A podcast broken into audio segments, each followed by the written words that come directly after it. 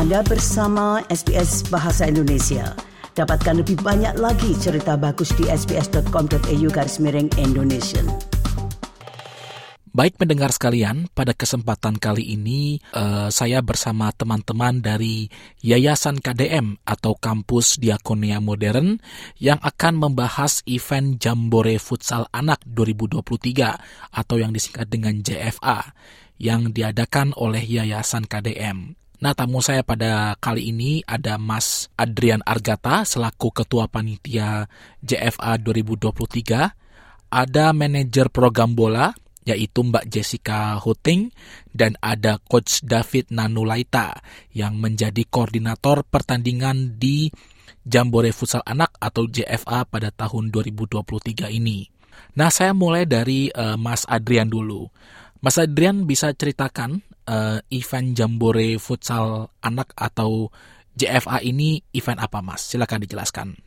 Uh, jadi untuk uh, Jambore Futsal Anak ini sendiri uh, kita memang uh, merupakan sebuah event yang dilakukan bertahun di mana kita mencoba uh, memberikan kesempatan kepada anak-anak jalanan yang selama ini tidak mempunyai kesempatan ya terutama untuk bisa melakukan kesempatan-kesempatan seperti halnya anak-anak pada umumnya mendapatkan kesempatan untuk bisa berkompetisi, bisa meraih hal-hal impian-impian yang mungkin sebelumnya di anak-anak biasa tidak bisa untuk mendapatkan ini, tetapi uh, melalui JSA 2023 ini uh, kami mengharapkan uh, bukan hanya anak-anak normal pada umumnya, tapi juga anak-anak marginal ya pada umumnya uh, bisa juga untuk meraih kesempatan yang sama dan juga mempunyai visi untuk bisa mencapai sesuatu yang mungkin bisa mereka targetkan. Jadi kita ingin mengajarkan juga kepada anak-anak untuk bisa uh, membangun visi, membangun juga membangun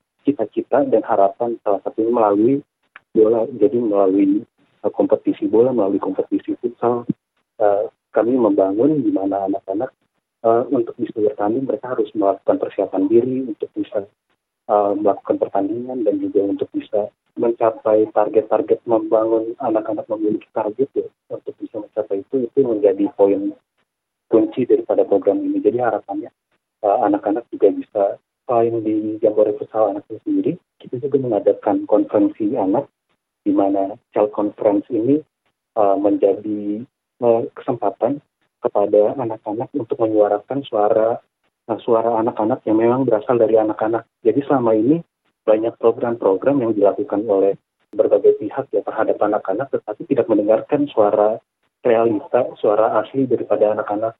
Jadi kami melakukan konferensi anak, child conference ini dalam rangka memberikan kesempatan kepada anak-anak untuk bisa uh, menunjukkan secara langsung, secara uh, asli suara anak-anak yang sebenarnya marginal, anak-anak marginal kita ini sebenarnya ingin menyuarakan apa yang mereka rasakan, mereka uh, alami gitu ya. Dan juga kami hadirkan ke dalam konferensi anak ini juga komisioner daripada Komisi Perlindungan Anak Indonesia dan juga ke Kementerian Pemberdayaan dan Perempuan dan Anak dengan harapan nantinya hasil daripada konferensi ini juga bisa langsung kita sampaikan juga kepada pihak-pihak stakeholder-stakeholder yang terkait sehingga hasil daripada konferensi ini bisa menjadi bermakna pada uh, anak-anak uh, juga dan juga memang seperti itu untuk gambaran secara ringkasnya mas terkait proyek ini. Oke, mungkin Mbak Jessica ada tambahan? Ya, uh, jadi Jambore Futsal Anak adalah event tahunan yang memang diselenggarakan oleh program bola untuk anak-anak di komunitas prasejahtera yang ada di Jakarta dan sekitarnya, uh, di mana anak-anak ini uh, memang sudah menjadi anak-anak yang dibina di bawah program bola melalui kegiatan latihan futsal kita secara reguler.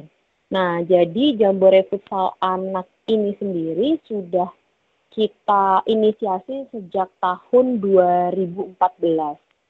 Idenya kami dapatkan uh, saat tahun 2014 waktu itu KDM menjadi bagian dari sebuah uh, konsorsium yang dinamakan dengan Garuda Baru dan mendapatkan kesempatan untuk menghadiri event internasional yaitu Street Child World Cup di Brazil gitu. Jadi saat itu kami bersama dengan Yayasan Transmuda Energi Nusantara dan juga Yayasan Sahabat Anak uh, kebetulan mendapatkan uh, kesempatan untuk membawa 18 anak ya uh, putra dan putri untuk ikut dalam kegiatan Street World Cup 2014 tersebut.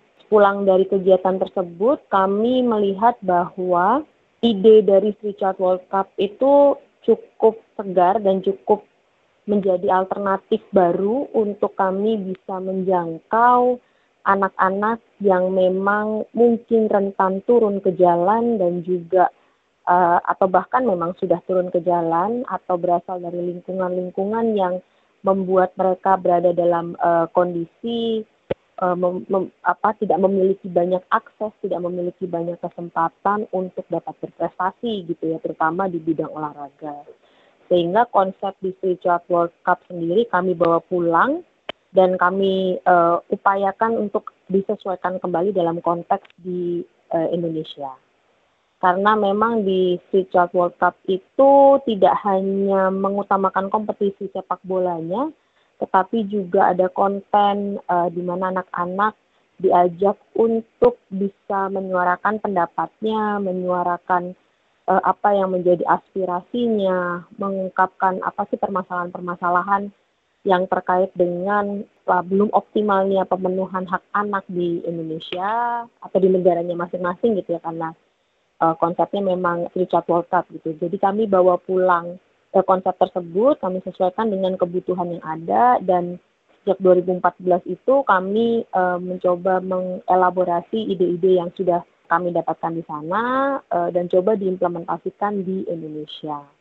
Seperti itu. Nah, dalam hal ini memang karena kami pergerakan dari programnya masih di daerah Jakarta dan sekitarnya ya, ada di uh, Jakarta uh, Bekasi juga gitu. Dulu sempat juga mengajak teman-teman yang ada di Depok gitu. Jadi formulanya kami uh, modifikasi dan akhirnya ya adalah Jambore Futsal Anak ini sehingga Jambore Futsal Anak ini bukan hanya sebagai kompetisi futsal, tetapi juga kami ada konten konferensi anaknya, di mana mereka nanti akan diajak uh, membahas isu-isu yang tematik. Dan untuk tahun ini, tema yang kami ambil adalah Futsal for Peace.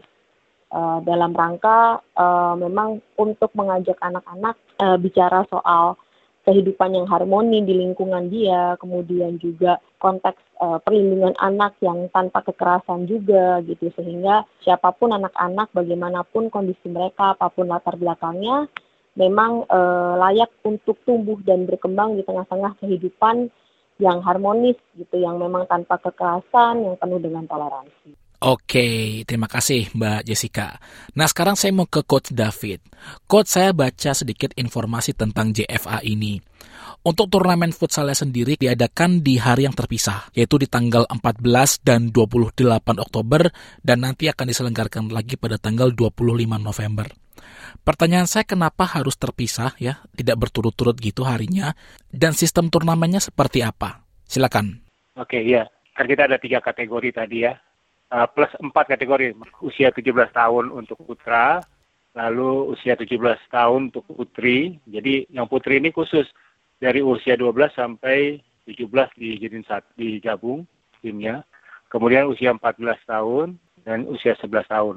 Kenapa dipisah? Pertama karena memang kita ingin memberikan kepada anak-anak itu berikan jam terbang atau jam bermain yang lebih banyak sehingga kalau misalkan di bisa itu mereka akan mendapatkan banyak pertandingan yang mereka dapatkan supaya tidak bertumpuk dengan uh, kategori yang lain. Selain itu juga karena ada banyak waktu bagi para lembaga untuk menyiapkan timnya. Jadi di tanggal seperti tanggal 14 Oktober kemarin itu hanya kategori usia 11 tahun dan usia 17 tahun putra. Mm -hmm. Terus kalau yang tanggal 28 Oktober, Coach? Uh, ya di tanggal 20 Oktober ya, baru hari kemarin ya kita. Jadi itu yang U14 dan U17 putri yang bermain. Jadi uh, kita bikin babak penyisian dulu untuk beberapa uh, apa beberapa pertandingan. Kemudian nanti uh, dari situ kita akan uh, ambil empat tim dari setiap kategori usia untuk kemudian bermain di uh, final ya. Di final di hari yang sama di tanggal 25 November nanti. Seperti itu. Jadi sengaja dibuat terpisah babak penyisian dulu sampai akhirnya nanti di tanggal 20 November itu sebagai babak uh, final untuk semua kategori. Oke, okay, kalau boleh tahu ada berapa tim coach yang berpartisipasi uh, di setiap uh, kategorinya? Total tim yang berpartisipasi itu kalau kurang lebih dari semua ya, semua ada ada beberapa lembaga yang nggak mengikuti satu kategori. Jadi kalau semuanya ikut itu ada sekitar 16 lembaga ya. 12 sampai 16 lembaga. Oke, 12 sampai 16 lembaga ya. Tadi coach saya bilang ya. Iya. Oke, nah uh, satu lembaga itu biasanya mengirimkan hmm. hanya satu tim atau bisa mengirimkan dua tim. Tadi kan coach bilang ada empat kategori gitu. Apakah tadi saya bilang, ya. apakah satu tim, uh, sorry satu lembaga hmm. itu bisa mengirimkan hmm. dua tim kah atau mungkin tiga tim atau mengikuti semua kategori? Mengirim uh, dua tim, jadi di setiap kategori usia.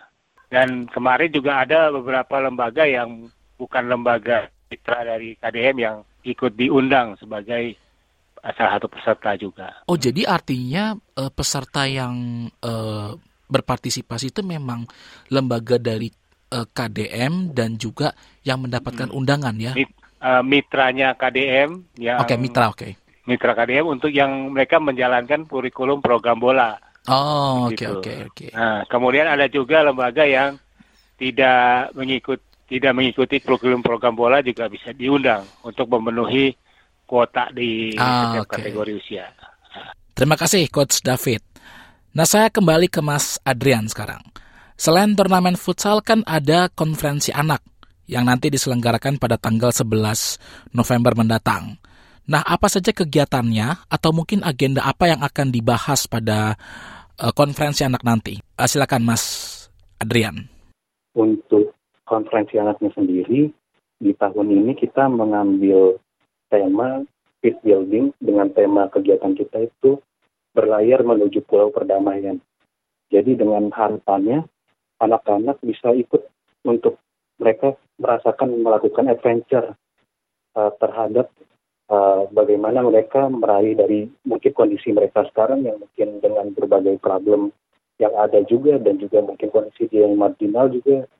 Uh, seperti apa sih sebenarnya uh, problem kita di pulau kita saat ini? Kita mendarat kita tinggal uh, apa saja nih hambatan-hambatan mungkin yang ada? Muncul dari keluarga muncul dari uh, masyarakat sekitar ataupun mungkin dari kondisi-kondisi uh, yang dia rasakan ya.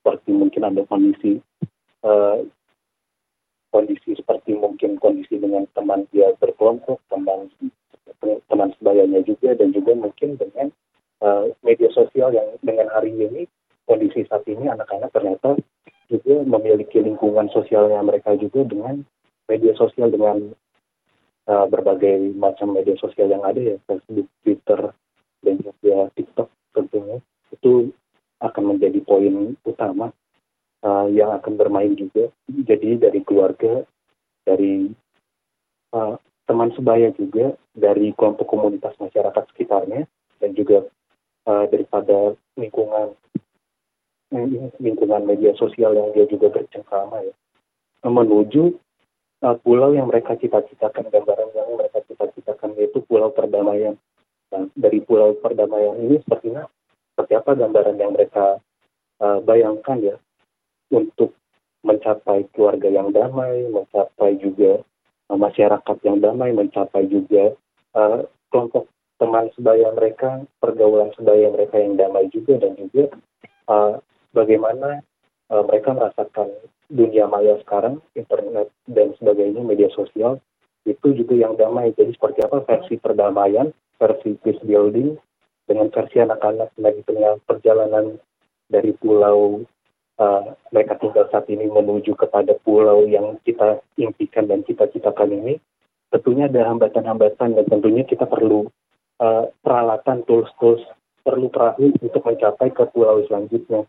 Nah, jadi dari pulau ini kira-kira uh, langkah-langkah apa nih yang bisa anak-anak rencanakan untuk bisa mencapai suatu pulau perdamaian. Nah, perahu inilah dan melalui perahu ini nantinya anak-anak digambarkan seperti apa untuk bisa menuju pulau tersebut. Dan juga ada hambatan-hambatannya seperti uh, hambatan-hambatan yang mungkin bisa mereka petakan ya. Ada ikan hiu, ada ombak, ada badai, itu uh, akan dipetakan kira-kira hambatan-hambatan mereka untuk bisa mencapai pulau perdamaian itu seperti apa yang bisa uh, menjadi hambatan mereka dan juga menjadi opportunity mereka untuk bisa melangkah lebih maju lagi. Oke, luar biasa sekali jawabannya eh, Mas Adrian. Saya balik lagi nih ke Coach David. Nah, setelah Jambore Futsal nanti, bagaimanakah proyeksi ke depan untuk anak-anak atau peserta dari uh, turnamen futsal ini? Iya, uh, jadi memang uh, Jambore Futsal ini selain event untuk kegiatan tahunan, ini juga sebagai evaluasi bagi lembaga yang mengikuti uh, menggunakan program bola sebagai kurikulumnya untuk uh, kita lihat perkembangan dari para para anak-anak yang terlibat di dalam uh, latihan tersebut. Nah, dari situ kita akan uh, pantau mereka sesuai dengan kategori usianya. Kemudian kalau misalkan ada event, itu kita bisa uh, undang untuk mungkin seleksi atau uh, memilih mereka untuk mengikuti apa apakah itu sebuah turnamen atau ke sebuah apa namanya pertandingan persahabatan. Jadi dari Jambore Futsal Anak ini kita bisa melihat siapa aja pemain anak-anak yang yang berkembang gitu dan dan bisa kita istilahnya kita bisa pilih nantinya nanti pada saat diperlukan untuk uh, event yang lain. Kalau dari Coach David sendiri ada proyeksi nggak uh, anak-anak ini bisa bermain di jenjang profesional atau bahkan bisa bermain untuk Indonesia? Nah, karena kita tahu futsal di Indonesia ini kan cukup berprestasi ya di uh, turnamen atau ajang internasional. Ya, jadi uh, memang harapannya besar juga ada uh, supaya apa anak-anak ini kalau mereka berprestasi mereka bisa di istilahnya di kita bisa kasih lihat ke klub-klub yang lebih besar, yang profesional untuk melihat bakat mereka seperti itu. Atau nggak hanya di futsal tapi di sepak bola. Karena uh, terlihat dari beberapa anak sudah ada yang ikut uh, seperti dua anak putri yang kemarin mewakili DKI untuk kejuaraan nasional under 15 tahun. Nah, itu harapannya sih seperti itu. Mereka bisa berkembang uh, kalau mereka memang mau menjadi pemain yang profesional ya entah di futsal atau di sepak bola. Oke, okay, uh, eh, ini terakhir saja untuk teman-teman KDM. Um, apa harapannya dari diselenggarakannya uh, event JFA atau Jambore Futsal Anak tahun ini? Saya mulai dari Mas Adrian dulu, silakan. Mungkin harapan saya juga, Mas, dan juga harapan kami bersama uh, berbagai lembaga terkait yang memang uh, berkecimpung dalam kegiatan apa, advokasi hak-hak anak dan sebagainya memang uh, ada satu harapan yang kita ingin uh, menjadi cita-cita bersama ya di mana tercapainya pemenuhan hak-hak anak-anak ya dan juga hilangnya mungkin anak-anak marginal yang uh, sering sering kali kita ajak temui di berbagai kawasan urban maupun di suburban dan juga di kawasan uh, kawasan berbagai kawasan ya tapi mungkin harapan kami yang menjadi satu harapan besar yaitu tercapainya pemenuhan hak anak dan juga mungkin harapan dari uh, kegiatan yang kami langsungkan ini kita bisa membangun uh, generasi masa depan yang memiliki uh, pemikiran terkait perdamaian. Bagaimana uh, kita mengharapkan untuk bisa tercapainya mungkin dengan kondisi saat ini di mana banyak terjadinya perang dan sebagainya yang mungkin menjadi kekhawatiran bersama harapannya mungkin kalau tidak bisa di generasi kita untuk mencegah itu, mungkin di generasi selanjutnya kita bisa memberikan penguatan, memberikan pemikiran-pemikiran yang nantinya bisa mendukung uh, adik-adik kita yang nantinya akan menjadi uh, orang-orang uh, yang nantinya memegang kesempatan-kesempatan tersebut di masa depan, memikirkan nantinya untuk bisa meraih perdamaian-perdamaian yang uh, nantinya akan mereka, mereka rasakan di generasi mereka. Mungkin Mbak Jessica sebagai penutup ada yang ingin ditambahkan?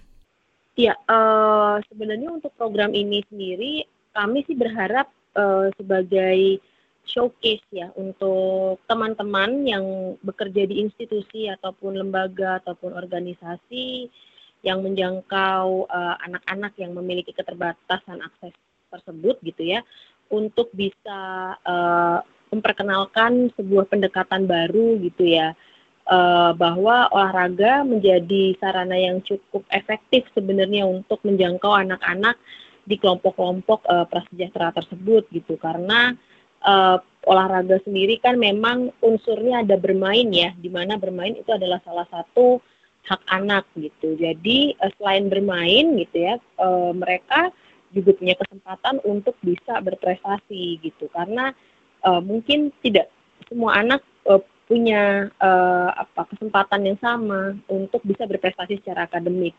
Tetapi uh, mungkin mereka punya kecerdasan yang lain yang uh, di luar akademik dan itu bisa dikembangkan dan bisa menjadi alat untuk uh, kami memperkenalkan uh, kecakapan hidup serta nilai-nilai kehidupan seperti itu. Jadi uh, kami di sini membawa uh, misi untuk bisa memperkenalkan ke masyarakat dan publik secara luas bahwa dengan olahraga kita juga bisa loh mengajarkan hal-hal yang baik kepada anak-anak. Uh, tidak melulu melalui situasi di dalam kelas, tetapi juga di, di lapangan futsal pun, di lapangan olahraga pun, kita bisa mengajarkan hal-hal yang baik terhadap anak-anak tersebut. Serta tentunya karena tema kami tahun ini adalah futsal for peace, sehingga uh, kami uh, ingin me, mempromosikan nilai-nilai perdamaian tersebut gitu ya. Uh, bukan hanya untuk anak-anak yang ikut serta, tetapi juga ke masyarakat luas bahwa ketika kita uh, ingin menjamin uh, pemenuhan hak anak dan juga perlindungan anak, uh, kita mesti memastikan bahwa lingkungan kita memang adalah lingkungan yang uh, penuh dengan harmoni, penuh dengan toleransi, uh, dan tentunya ini akan melahirkan perilaku-perilaku tanpa kekerasan yang uh, tentunya apa ya tidak baiklah untuk di, dicontoh gitu ya oleh anak. Seperti itu kira-kira untuk uh, harapan saya gitu. Dan yang tentunya untuk adik-adik ya menikmati acaranya sendiri. Ini sebagai ajang mereka bagi adik-adik yang sudah di bawah pembinaan program bola menjadi ajang mereka untuk menunjukkan bahwa hasil latihan mereka itu tidak sia-sia gitu ya. Dan untuk adik-adik yang mungkin belum tergabung di dalam program bola, uh, ini bisa menjadi uh, contoh gitu oh bahwa kalau kita uh, rajin latihan dan uh, uh, berusaha gitu kita bisa mencapai sesuatu yang baik di dalam hidup kita. Baiklah uh, Mas Adrian, Mbak Jessica dan Coach David, uh, itu saja yang mungkin bisa saya tanyakan kepada kalian. Uh, kami berharap semoga nanti sampai saya berharap semoga nanti uh, event uh, Jambore Futsal anaknya sampai tanggal 25 November nanti uh, berjalan sukses. Once again, terima kasih atas waktunya untuk uh, wawancara bersama dengan SBS Bahasa Indonesia. Terima kasih, Mas, untuk waktunya. Ya, terima kasih, Mas Abi. Sukai, berbagi, komentar. Ikuti SBS program Bahasa Indonesia di Facebook.